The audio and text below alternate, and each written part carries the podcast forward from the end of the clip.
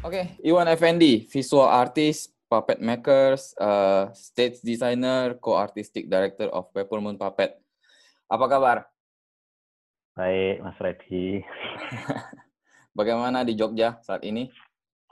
Di Jogja um, sudah mulai rame, orang-orang sudah keluar, jalanan rame.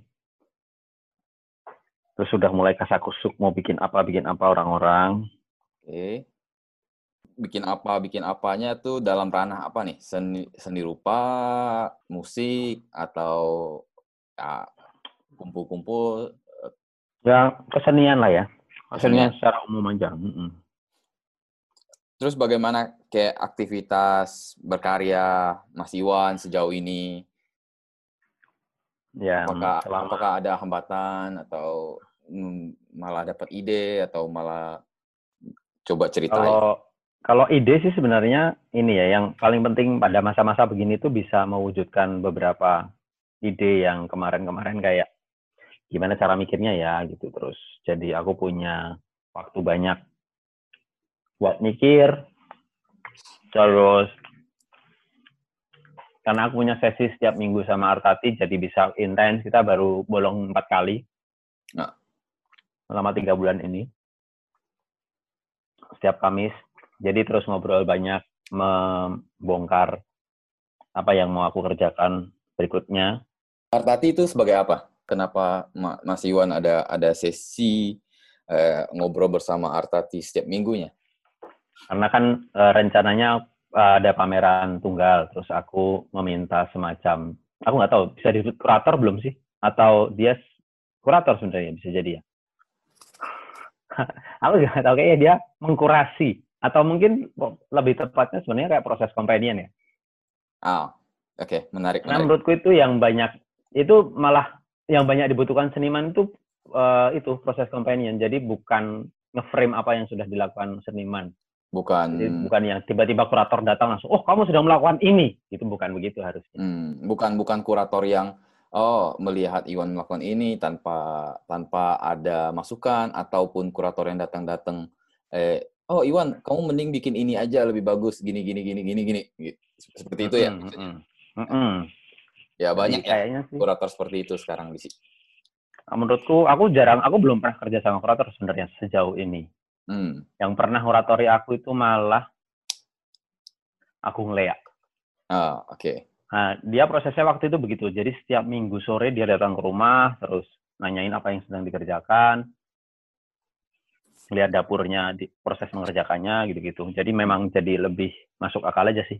Jadi lebih ya kurator pada uh, maksudnya kurator sebagai fungsinya ya. Gitu. Ya.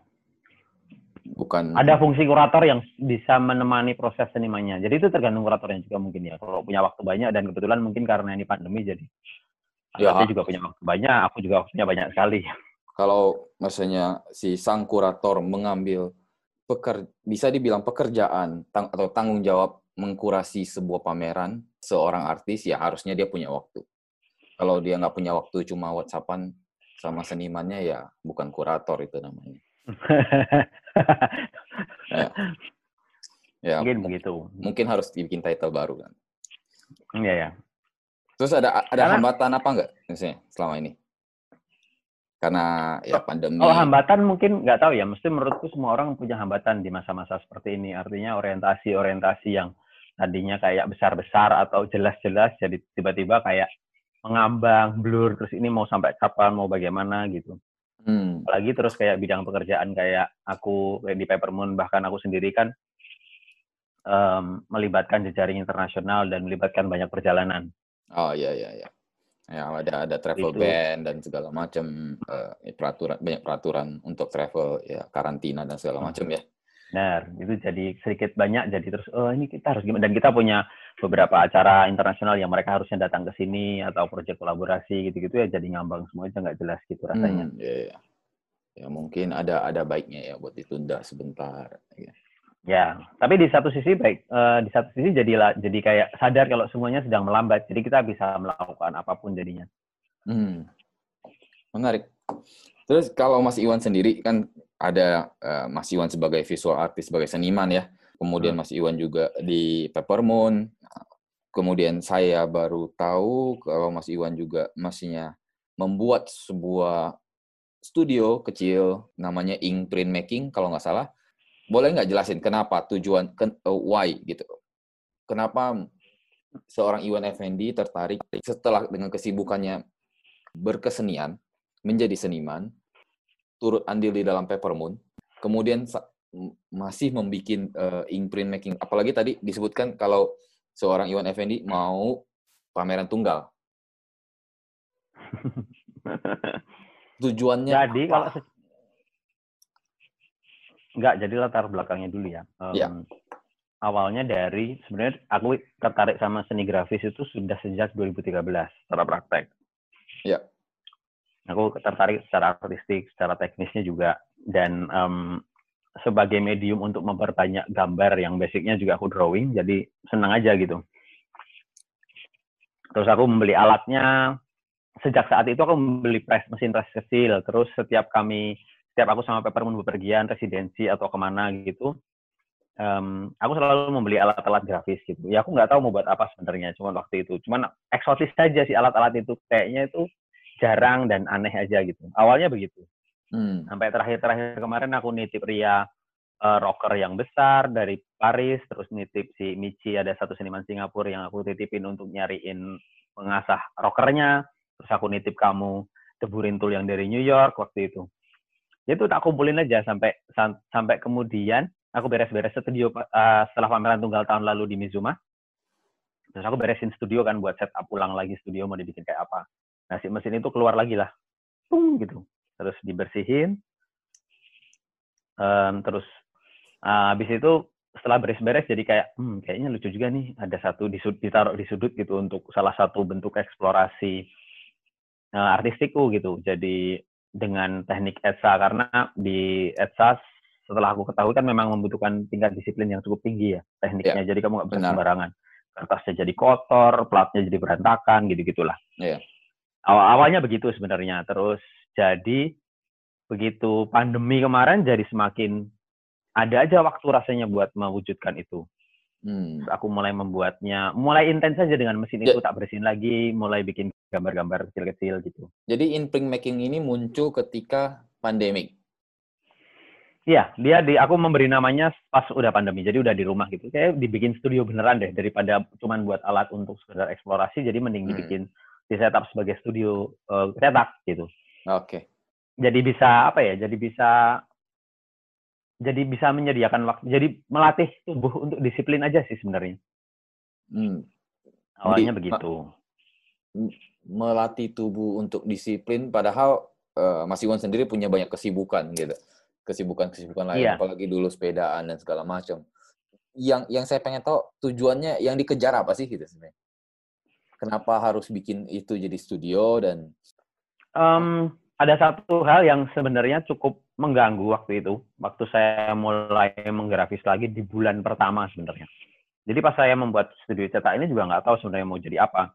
Yang penting aku punya tempat untuk mengeksplorasi artistik aja. Awalnya gitu. Tapi sebulan aku mengakrapi mesin, jadi tahu prosesnya, terus jadi sering tanya-tanya sama beberapa teman grafis.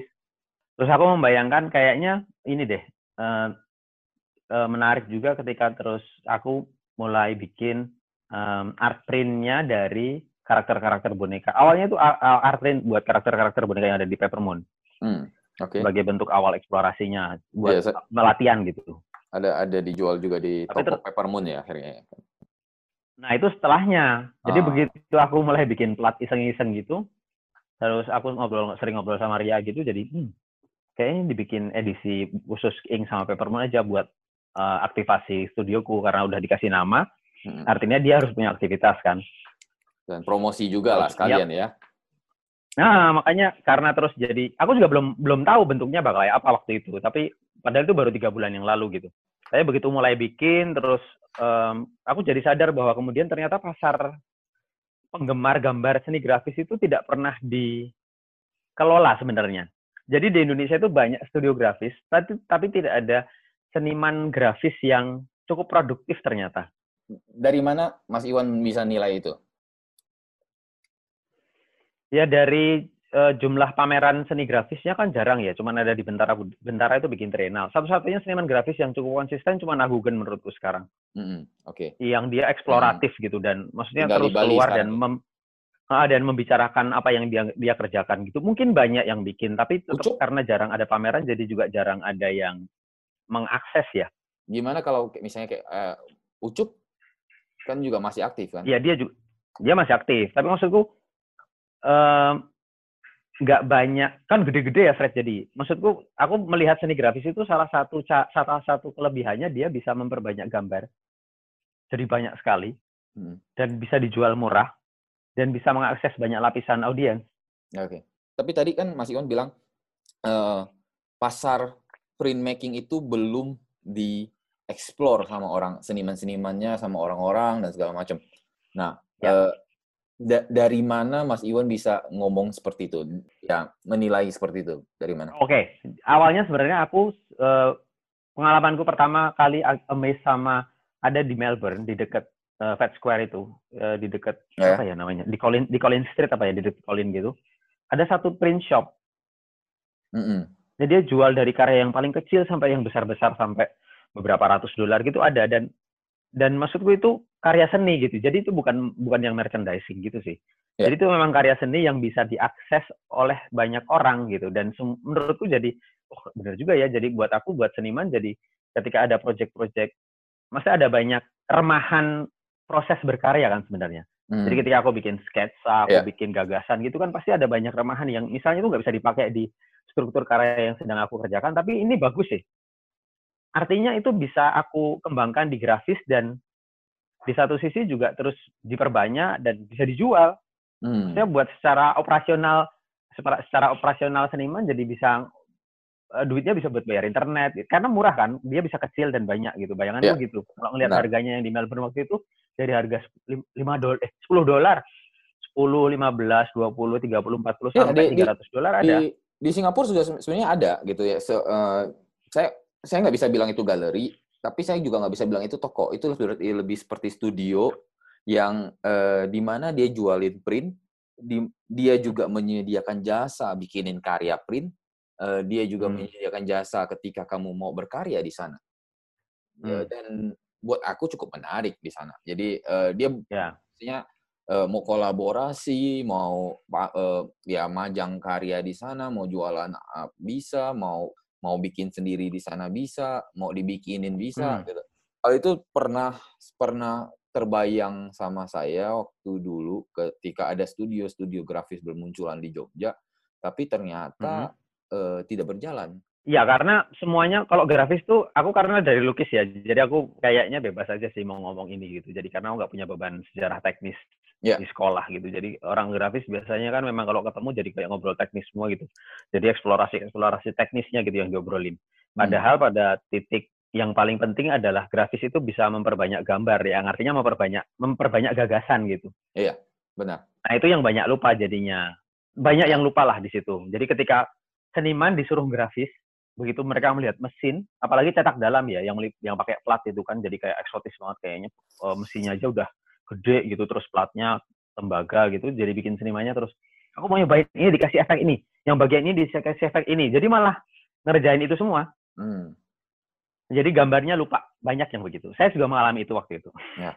Tapi maksudnya uh, ada nggak sih di di di Indonesia yang nggak usah Jogja lah, Indonesia lah kita ngomongnya studio grafis yang seperti ink printmaking ini yang uh, sebenarnya kan kalau ink printmaking kan kalau saya lihat bikin karya ya bikin karya tapi lebih ke bentuk yang uh, karena mungkin mesinnya kecil ya Mas Iwan ya mm-hmm. kalau udah besar, besar beda ya beda lebih lagi. Itu mencoba membuat sesuatu dengan ukuran kecil dan bisa ya eksplorasi meng, uh, menghidupi aktivitas dan segala macam gitu ada nggak hmm. studio-studio grafis di Indonesia yang seperti itu atau hanya sangat-sangat eksklusif menurut Mas Iwan? Aku nggak tahu ya. Kalau dari dulu yang selalu diperjuangkan, bukan diperjuangkan, tapi bahwa kalau diisi sendiri sih kadang-kadang ada perjuangan seni grafis gitu-gitu kayak hmm. menyamakan, kayak seolah-olah mau menyamakan dengan harga lukisan gitu jadinya. Ada ada ada kecenderungan begitu kadang-kadang. Jadi tekniknya dibikin susah, begitu dijual mahal nggak laku, dijual murah nggak mau.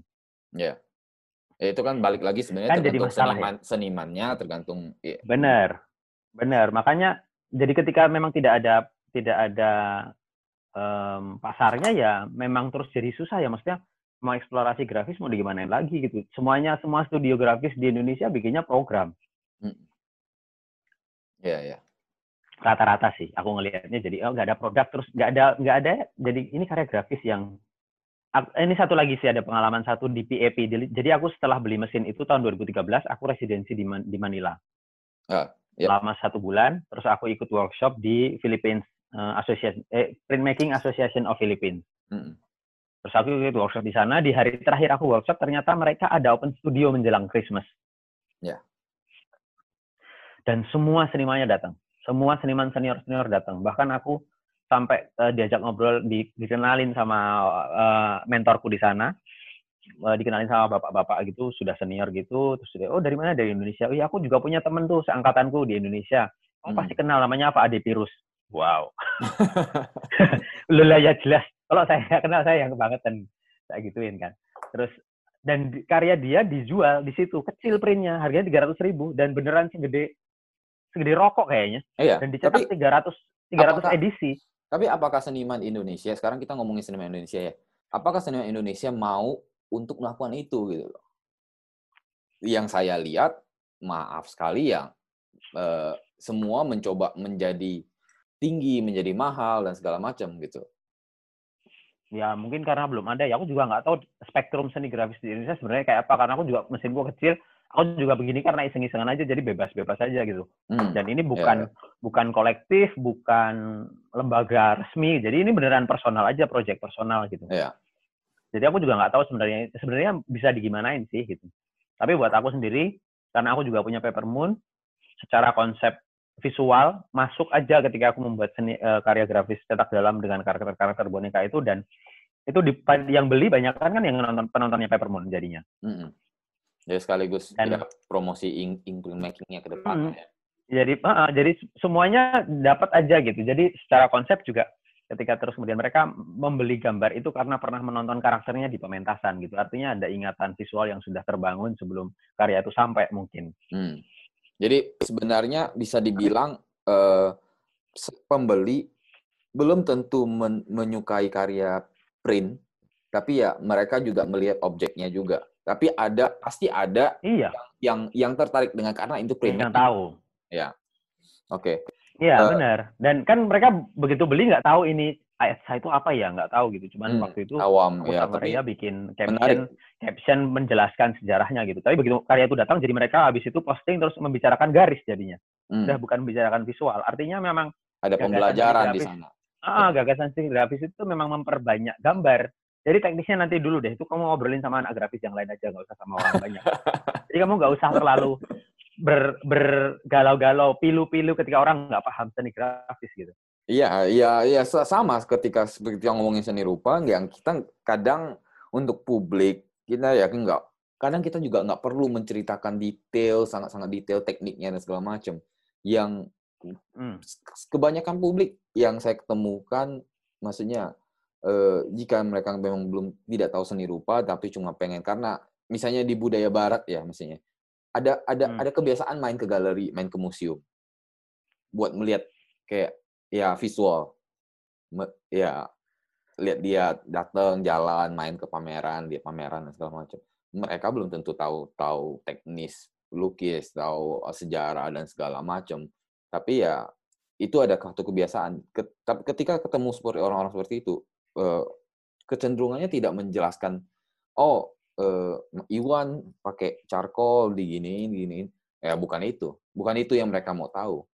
Hmm. Kebanyakan mau tahu eh, apa, Apa sih ya ini? buat gitu, ini apa ya Hmm, gitu hmm. macam. Jadi Hmm. ya kadang-kadang ya kita perlu mengerti publiknya. Ya, Kalau- Kalau ketemu kolektor ya beda. Atau yang kadang-kadang ada suka yang kolektor yang oh saya mau tahu konsepnya. Ada yang suka mau tahu tekniknya, ya kan? benar, benar. Ya. Tapi juga pada titik ini aku menemukan satu ini sih. Jadi ketika ini karena sudah aku sudah melakukan udah udah setelah, programnya sampai Peppermoon dan ternyata yang membeli cukup banyak ya dari ada Hmm. lima plat yang aku cetak dan ada setiap plat ada 20 edisi gitu udah lumayan banyak gitu yang beli dan Soal. aku pikir aku pikir terus si, si gambar ini seni gambar ini bisa menemukan fungsinya di audiens di sela fungsi mereka sehari-hari. Iya. Dan menurutku buat seniman juga buat aku sebagai seniman uh, perupa gitu dan aku menemukan seni grafis juga menjadi fung aku menemukan fungsi seni grafis di fungsi kesenianku sehari-hari juga. Jadi ketika di seni murni diisi kan ada seni grafis patung lukis ya. Itu maksudnya yeah. seni murni. Artinya memang kesadaran untuk menggunakan ketiga medium ini untuk mengekspresikan gagasan harusnya ada terus dong gitu. Iya, benar. Jadi misalnya, oh ketika ini sketsa-sketsa ini kayaknya bagus kalau didokumentasiin dengan baik, tapi kalau disimpan gini sayang ya. Orang ada orang mau beli juga sayang, misalnya ada yang diminta juga sayang. Jadi mending dibikin etching misalnya atau di print gitu kan jadi lebih masuk akal. Oke, menarik, menarik. Kan saya follow ya, maksudnya Instagramnya, sosial medianya, iya, hmm. ink print making. Itu udah mulai hmm. ngajakin beberapa seniman. Ya, maksudnya tujuannya kena, kenapa sih Mas Iwan pengen ngajakin uh, misalnya dari itu dari studio rumahan uh, buat hmm. pribadi terus bikin hmm. nama menjalankan studio itu kerja sama sama Peppermoon terus kemudian sekarang hmm. ngajakin beberapa seniman. Ada Hendra Hehe Harsono ada uh, siapa? Tai. Tai ada Marianto. Marianto. Ya kenapa? Sebenarnya awalnya itu malah aku lagi ngerjain grafis terus Lunang anakku ikut di situ Terus aku iseng aja, kamu cobain bikin dong gitu. Gambar hmm. di atas plat gitu. Sudah gambar di plat, terus aku aku etsa, habis gambar dia pergi gitu aja. Terus aku cetak aja, aku etsa, terus aku coba cetak. Terus aku kasih lihat ke dia, terus dia protes, kok ini garisnya nggak ada yang tadi gitu. Oh ya ntar tak benerin lagi. Terus aku benerin garisnya, dia puas. Terus aku proses ke akuatin gitu. Dari teknik yang etsa aja, terus tak tambahin teknik yang lain gitu. Iya. Yeah. Terus jadinya bagus menurutku. Oh, jadinya hmm. bagus juga ya ternyata. Nah, sejak itu aku berpikir terus aku habis itu habis itu nyobain Ria. Si kamu tak kasih plat, kamu nyobain bikin gambar deh. Hmm. Ya, aku gambar, terus aku cetak dan hasilnya garis saya itu artistik pasti. Nah, semua, semua orang beda-beda kan garisnya. Ah, makanya. Tapi juga karena tekniknya, teknik dia dicetak ada cekungan kertas, ada kotornya plat gitu-gitu. Jadi menurutku, wah bagus banget ya. Gambar garis apa pun jadi bagus kayaknya gitu. Okay. Aku mulai berpikir, hmm, berarti aku bisa ngerjain gambar orang lain dong gitu. Yeah. Makanya kan terus nawarin si Hehe pertama, nawarin Utai gitu. Tapi eh, dicetak itu, gambarmu gitu. Itu itu Mas Iwan yang ngerjain atau mereka yang ngerjain sen gambar sendiri? Untuk yang cetak, yang Etsa aku ngerjain. Oh. Semua platnya. Jadi Utai di Jakarta dia ngirim gambar mentak gambar aslinya dia, terus aku terjemahkan ke dalam plat. Oh, trace gitu ya. Di trace habis itu diproses chemicalnya. Hmm. Yeah. Jadi terus aku bikin, jadi habis itu tawar menawar. Jadinya kayak gini Tay, menurutmu gimana? Terus dia dari WhatsApp bilang, oh yang bagian atas dihitamin aja coba mas gitu. Setelah hitamin nah itu udah cocok udah siap edisi gitu. Jadi bisa tak cetak edisi habis itu. Oh oke. Okay. tapi udah... di satu sisi udah udah ada edisi yang punya Utai yang punya He udah yang punya ya, kalau yang punya Tatsoy sama punya Marianto mereka ngerjain sendiri karena mereka ada di Jogja aku sediain platnya mereka bawa pulang digambar di rumahnya sendiri. Udah udah mereka mulai punya, dijual mereka, segala macam. Udah udah ada. Dan buat aku di masa-masa pandemi begini juga buat tetap anget aja ya uh, ininya jadi ya, ketika mereka di rumah mengerjakan hanya gambar-gambar besar gitu kan, nggak karya-karya besar gitu, terus gimana ya pamerannya aja belum tentu jadi atau masih ya. mundur atau bagaimana gitu-gitu kan. Semacam ada. Ini bisa uh -uh. ada ada selingan, ada ya benar no, benar buat hidup, buat manasin ekosistem aja, lah ya. Betul. Tidaknya terus kita jadi ketemu ngobrol. Hmm. Topiknya nggak cuma berkeluh kesah, tapi terus topiknya adalah ini gambar ini kayaknya punyamu diterangin bagian ini ya enak nih. Coba dicetak pakai kertas yang agak pakai begini gitu. Itu jadi kan produktif ya? Iya. Jadi Maksudnya buat aku sih kerasa banget sih begitu ya. Jadi aku juga jadi belajar mempelajari struktur gambar temen gitu. Jadi oh gambarmu oh maksudmu gini gambarnya ternyata komposisinya begini. Misalnya kayak punya Marianto gitu kan wah nuansanya begini gitu gitu jadi diobrolin kan. Iya. Jadi lebih ini aja sih. Dan sangat ngobrolin gambar aku senangnya tuh karena ini membicarakan gambar aja sebelum Tapi, kamu ngomongin cerita, sebelum kamu ngomongin narasi gitu-gitu. Tadi gambar itu udah bisa diajak, bisa diobrolin. Tapi mau dibawa ke mana maksudnya? Si, si kan ini kan udah udah udah mulai nih dek, dek, dek, satu dua tiga sudah hmm. mulai kolaborasi dengan beberapa seniman yang maksudnya hmm. dan notabene senimannya cukup uh, dikenal ya Marianto, Hehe dan segala macam. Selanjutnya mau sejauh apa gitu? Apakah selama pandemik ini aja atau akan terus berlanjut? Aku tuh cita-citanya cuma punya pengen toko cetak, toko print kecil. Hmm, oke, okay. Menarik, Jadi akan ada satu toko kecil print yang juga setiap seniman, setiap orang menurutku bisa dikerjakan uh, gambarnya diperbanyak ya. Maksudnya itu, tidak berhenti pada seniman menurutku. Jadi ketika ya. misalnya dia adalah fashion designer atau dia misalnya um, furniture designer atau dia ilustrator, maksudnya siapa pun ketika ya, memang mau bekerja gitu sama kan dan menarik, ha, ha, ha, ha, ha, benar dan menurutku itu bisa di menikmati gambar sebagai itu aja gitu dan kecil karena ya. mesin gue kecil ya tapi kalau mesinnya besar kayaknya aku mending enggak deh. mesin besar mending nyewa mesinnya di grafis minggiran atau di kampus atau di mana gitu. benar, benar, benar. Karena jadi repot. itu sih cita-citanya sebenarnya cuma pengen toko punya toko kecil aja. Dan aku kemarin sempat ke Ubud kan ke tempatnya Agugen gitu dan wah yeah. banget dia punya studio grafis memang jadi kayak ya ada lang ada banyak aja hal yang bisa kamu kerjakan di selang selang seling waktumu gitu. Ya, mesinnya Agugen juga kan bukan yang sangat besar kan cukup. Enggak. Ya. Mm -mm. Dan buat aku juga ketika semuanya di masa pandemi terutama ini ya, ketika semuanya daring gitu kan akan lebih seru ketika yang tiba-tiba datang adalah gambar betulan gitu. Nggak cuma hmm. lewat Instagram kan yang dilihat gambarnya. Iya, Jadi iya. mereka bisa Benar. membeli karya, setiap orang bisa membeli karya seni murah gitu. Dan ya. kecil, kecil banget. Platnya kan ukurannya cuma 65 kali 70 mili gitu. Sebenarnya saya, oh, tidak bisa dibilang murah ya, maksudnya itu lebih harga, uh, harga itu terjadi ketika si seniman ataupun si studio menyetujui dengan harga seperti itu untuk memperkenalkan. Hmm. Uh, yang saya lihat sejauh ini ink print making uh, berusaha membuat sesuatu yang baru. Uh, ya karya print kecil dan segala macam. Ya karena ukurannya kecilnya itu kan karena ukuran uh, mesin cetaknya ya. Tapi mm -hmm. untuk harga kan sebenarnya kan ya bisa aja bikin kecil terus jualnya 20 juta gitu. Bisa aja ya terjadi ya, kan. Ya. Tapi kan harga itu kan eh, lebih ke itu. perkenalan kepada publik hmm. segala macam, bukan ya. ya. Bukan buat Dan banyak loh. Maksudnya mereka itu orang-orang kan senang seni kan banyak ya. Tapi ya. belum tentu mereka mau beli karya mahal. Ya. Mereka bisa beli art print yang digital print yang mahal, bisa beli uh, kaos ya. yang edisi, limited edition mahal bisa gitu. Karena kan ya seni rupa kan perlu pengenalan, perlu ya ya kalau mereka udah mulai dikenalkan dengan karya-karya kecil uh, dengan harga-harga hmm. yang relatif mereka bisa gampang. Makanya kan kenapa di musi di museum semua banyak seperti museum shop atau museum store gitu kan. Ya, Tujuannya kan sebenarnya untuk mengakomodasi publik yang sebenarnya hmm. tidak bisa membeli karya atau tidak apa mereka ya. bisa jadi kenang-kenangan, bisa jadi uh, ya oh saya senang karya Iwan Effendi saya uh, saya mau beli postcardnya atau apa gitu. Jadi, hmm, jadi ah ada ya, semacam gitu? di frame postcardnya nanti ya. segala macam. Ya itu kan menjadi bentuk apresiasi ke depan gitu. ya dan orang bisa beli juga karya print buat gift gitu kan juga bisa ya? Iya benar. Benar sekali. Karena yang itu yang aku temui ketika aku pas yang di di Filipina itu aku beli beneran beli karyanya si bapak itu. Aku lupa namanya sampai karyanya dia tuh dicetaknya tuh 300 edisi. Ya harganya tiga ratus ribu. Rupiah? Itu tiga ratus ribu ya seribu peso kan sekitar tiga ratus yeah. rupiah itu terus ada ketemu ibu-ibu lagi aku tanya aku pikir dia ah, kamu seniman grafis juga ya? Oh bukan. Aku dulu pernah ikut workshop sekali dan aku senang seni grafis dan setiap tahun menjelang Natal aku pasti membeli karya grafis untuk hadiah ke ponakan-ponakan ya yeah. maksudku itu terjadi ya seni itu bisa berfungsi seintim itu gitu. Hmm. Dan kalau soal narasi atau kemudian konsep dan lain sebagainya itu terserah senimannya. Jadi ketika mereka memang mau menyisipkan isu-isu yang penting dan sensitif di karya-karya kecil kan juga jadi lebih ya. ini ya jadi kayak lebih ya, intim aja gitu.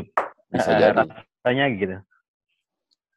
Semoga berjalan dengan lancar, sukses, kejadian tokonya Terus Mas Iwan mau tanya, bagai kan ini Mas Iwan di Jogja, saya kan tidak uh, ya juga cukup sepertinya setengah tahun ya tidak ke Jogja ya.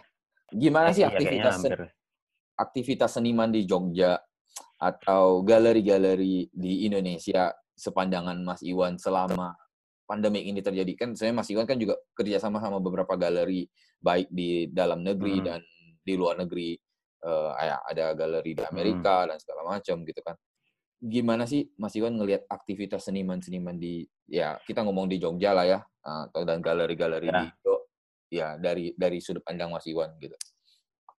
Kayaknya cukup adem ayem ya dan maksudnya nggak banyak juga yang bikin sih tapi sedang berusaha mencari format aja. Beberapa berusaha bikin uh, pameran daring gitu-gitu, pameran online gitu. Tapi saya, saya ya. kalau di Jogja kan saya ada lihat ada ada beberapa seniman udah bikin pameran offline, maksudnya ya di, ada di ruang pamer dan segala macamnya. Ya, ada apa? Ya, kemarin saya perasaan saya dikirimin sama uh, Nasirun pameran gitu di mana? Coba saya lihat ini. Uh, ya Pak, Pak Nasi, oh Pak Nasirun pameran di Jakarta gitu dan segala macam. Hmm. Berarti kan sebenarnya aktivitas pameran itu sudah terjadi gitu kan dan adjok yeah. katanya udah mau mulai gitu. Ya. Kalau sekarang-sekarang sih sebenarnya mungkin orang sudah mulai adjust ya.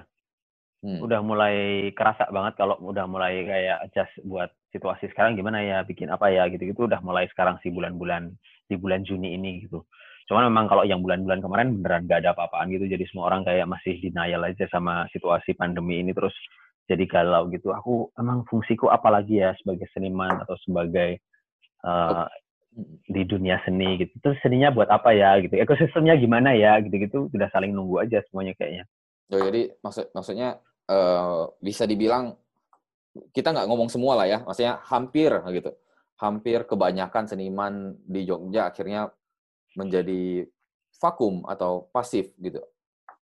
Ya ada beberapa ya ya sih waktu itu tetap bagaimanapun tetap vakum ya, tetap pasif. Cuman ada aktivitas sebenarnya tidak perlu membuat karena nggak mungkin bikin pameran buat yeah. kami misalnya di Peppermoon aku juga mungkin bikin pentas tapi waktu itu terus bikin aktivasinya dengan cara lain karena ketika semua orang pegang gadget setiap hari setiap saat karena nggak bisa ke mana-mana yeah. menurut itu saat yang paling tetap tepat untuk menanamkan bukan menanamkan tapi berbagi apa sih sebenarnya yang sedang kita lakukan gitu ya yeah.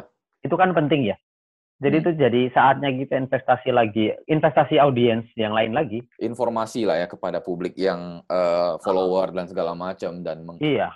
Ya, uh -uh. Karena kan dan, ya kalau tip, tip buka ber handphone isinya berita pandemi kan bosen juga ya, maksudnya iya. bikin dan, juga. Dan ke, memungkinkan untuk lagi berjejaring dengan jaringan yang di luar Indonesia, luar Jogja, bahkan teman-teman yang lain misalnya. Hmm diajak yeah. ngobrol tentang apa gitu gitu dan live IG kan jadi orang jadi tahu ya ya nggak semua orang bakal nonton juga cuman kan yeah. yang peng yang sudah kenal dan pengen tahu jadi lebih tahu aja gitu ya, kalau misalnya buka buka handphone ngomonginnya antara corona itu kenyataan atau apa uh, konspirasi konspirasi teori ya bosen lah ya gitu ya coba Yo, ilah. nyari yang sesuatu yang lain nah hmm. kemudian kayak galeri atau misalnya studio studio di Jogja gitu nih ada nggak sih aktivitasnya gitu? Saya saya sempat dengar kayak misalnya eh, ya, ya ruang mes 56 bikin acara bikin, online dan segala gitu, macam. Hmm. Uh, kemudian juga mereka ya menarik misalnya saya lihat ada mereka ada bilang unstock apa uh, stock roomnya hmm. mereka dijual dan ya, ya, ya. ya hmm. itu salah satu bagian um, hmm. yang menurutku memba men, ya membangun ekosistemnya mereka ya maksudnya ya. Ya benar. Artinya kan harus bekerja lagi ya. Maksudnya di, yeah. titik, di titik ini ya, uh, pernah kemarin si Pak Hilman Farid bilang di satu yang di Zoom meetingnya Salihara kemarin kalau ya selamat datang sekarang ini di di mana kita itu sudah bukan siapa-siapa di lautan manusia di, di jagat maya ini gitu. Jadi kamu harus bekerja lagi mengulang dari nol menjelaskan apa yang sedang kamu lakukan, apa yang kamu punya apa, apa yang bisa kamu lakukan itu dijelaskan lagi. Tapi menarik, maksudnya Jadi, Mas Iwan, uh, kayak karena pandemik ini saya ngelihat banyak seniman yang sebenarnya ya ambil contoh misalnya kayak Mes 56. Kenapa mereka nggak dari dulu ngelakuin uh, online stock room-nya mereka? Kenapa baru yeah. ke pas pandemik ini gitu? Padahal kan ya kalau mau dibilang oh karena pandemik nggak diajak pameran. Uh, ya oke okay, gitu. Tapi kan dulu juga bisa bisa bisa walaupun diajak pameran tetap aja bisa gitu. Ya nggak tahu ya, mungkin masa-masa begini tuh yeah. jadi kita melihat apa yang apa, kita punya jadinya? Apa karena galeri galeri di Indo nggak ngelakuin sesuatu gitu loh ketik. Nah itu kan oh, kalau itu sih itu spektrum aku spektrumnya sebenarnya nggak paham aku belum, belum pernah kerja sama galeri Indo ya ya maksudnya belum pernah yang terus intens gitu jadi mm -hmm. tapi kayaknya kan selama aku nggak tahu ya akhir-akhir ini sih kalau selama pandemi emang nggak ada apa-apa ya kayaknya galeri-galeri di Indonesia nggak bikin nggak bikin suatu bikin, publikasi bikin. ataupun apa Iya, saya ada lihat beberapa pameran Ada sih beberapa beberapa talk, ya. beberapa ini gitu ada sih. Tapi nggak yang nggak yang konsisten terus-terusan gitu yang bisa ya. di ikuti yang, gitu. Yang, yang non profit juga nggak nggak jalan akhirnya kan gitu kan. Hmm. Ya. ya paling ini sih, ya kayak mungkin ada arisan gitu gitulah yang di Ya. museum macan gitu, yang bikin menjaga vibe-nya tetap tetap ada gitu. Tapi Hmm. juga menurutku masa-masa pandemi ini jadi kita benar-benar melihat kita punya apa ya dan dari yang kita- punya ini bisa diapain ya gitu-gitu loh. Itu sih kerasa banget sih paling kerasa itu. Oke. Dan untuk mengkonsumsi kan jadi mikir, terus jadi memproduksi atau mempublikasi yang sebenarnya paling sekarang paling efisien dilakukan gitu.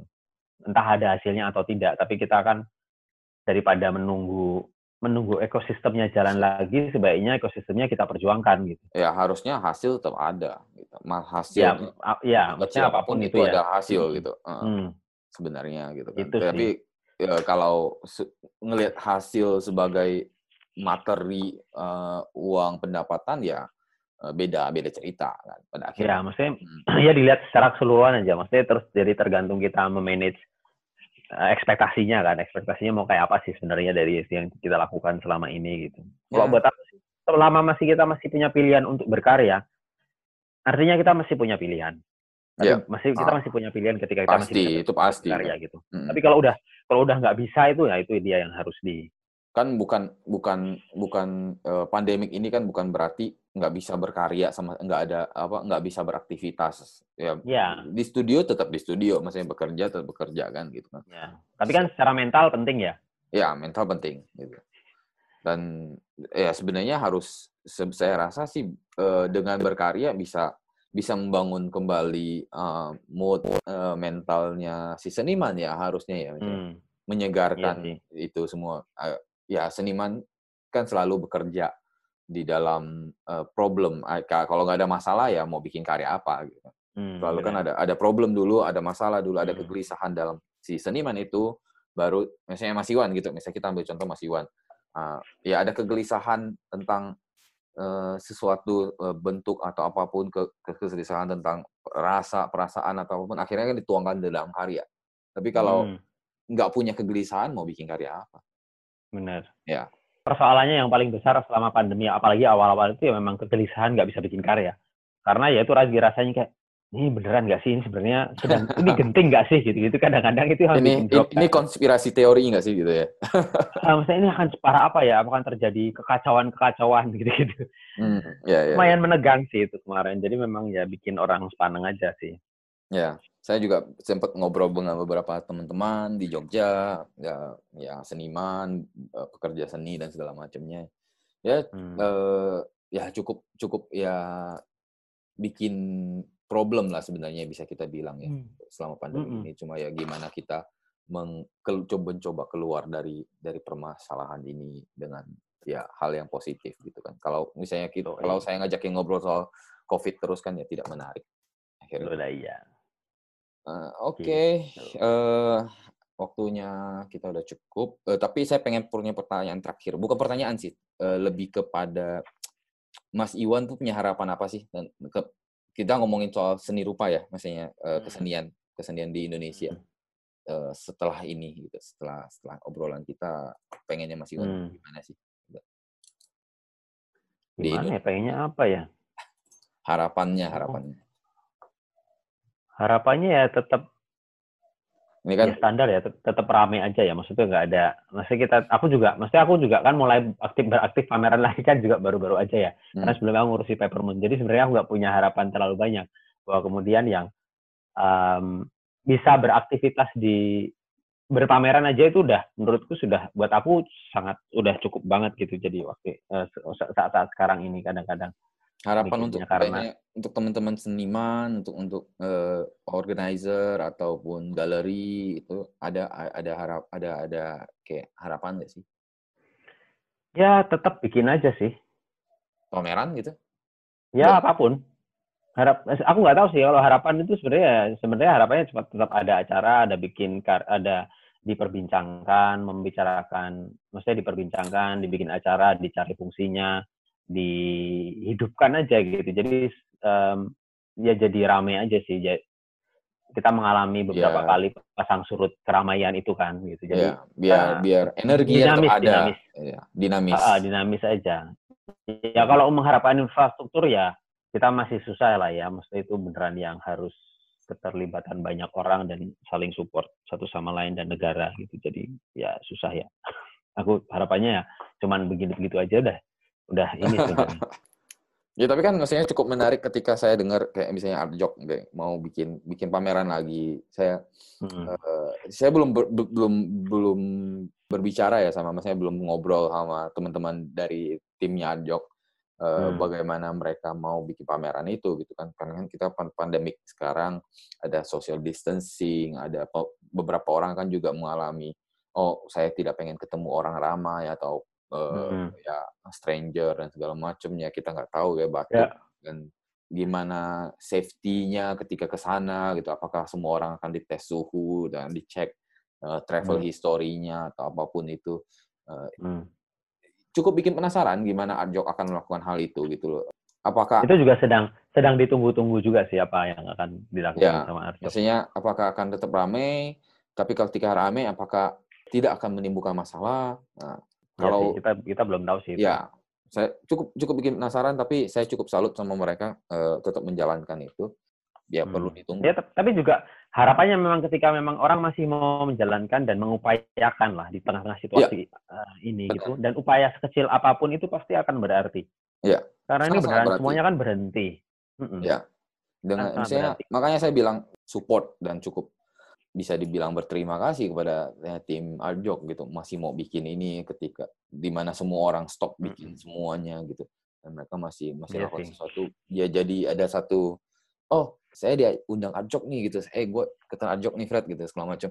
Itu hmm. jadi satu ah ada satu gimana ya uh, vibe ada satu ya ada letupan. Ya. Ya sama mungkin kepada ketika seniman-seniman yang Mas Iwan ngajak bekerja sama di in, ink printmaking ini ya bisa menjadi menarik gitu.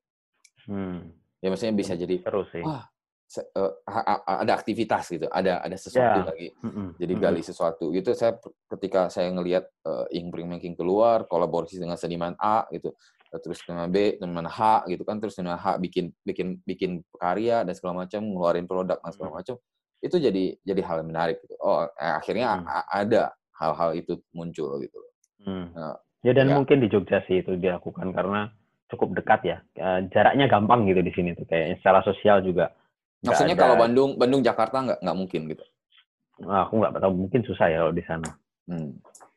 Aku nggak tahu sih. Yang buktinya juga nggak ada yang bikin apa-apa gitu. Buat diajak gitu Mas Iwan bikin gitu. Ya nantilah aku. ini studio grafis amatir punya aku tuh, jadi cuman iseng-iseng asal-asalan aja. Hmm. Oke, okay. thank you Mas Iwan buat uh, bincang-bincangnya. Uh, ya setengah jaman cukup lah ya kita nanti uh,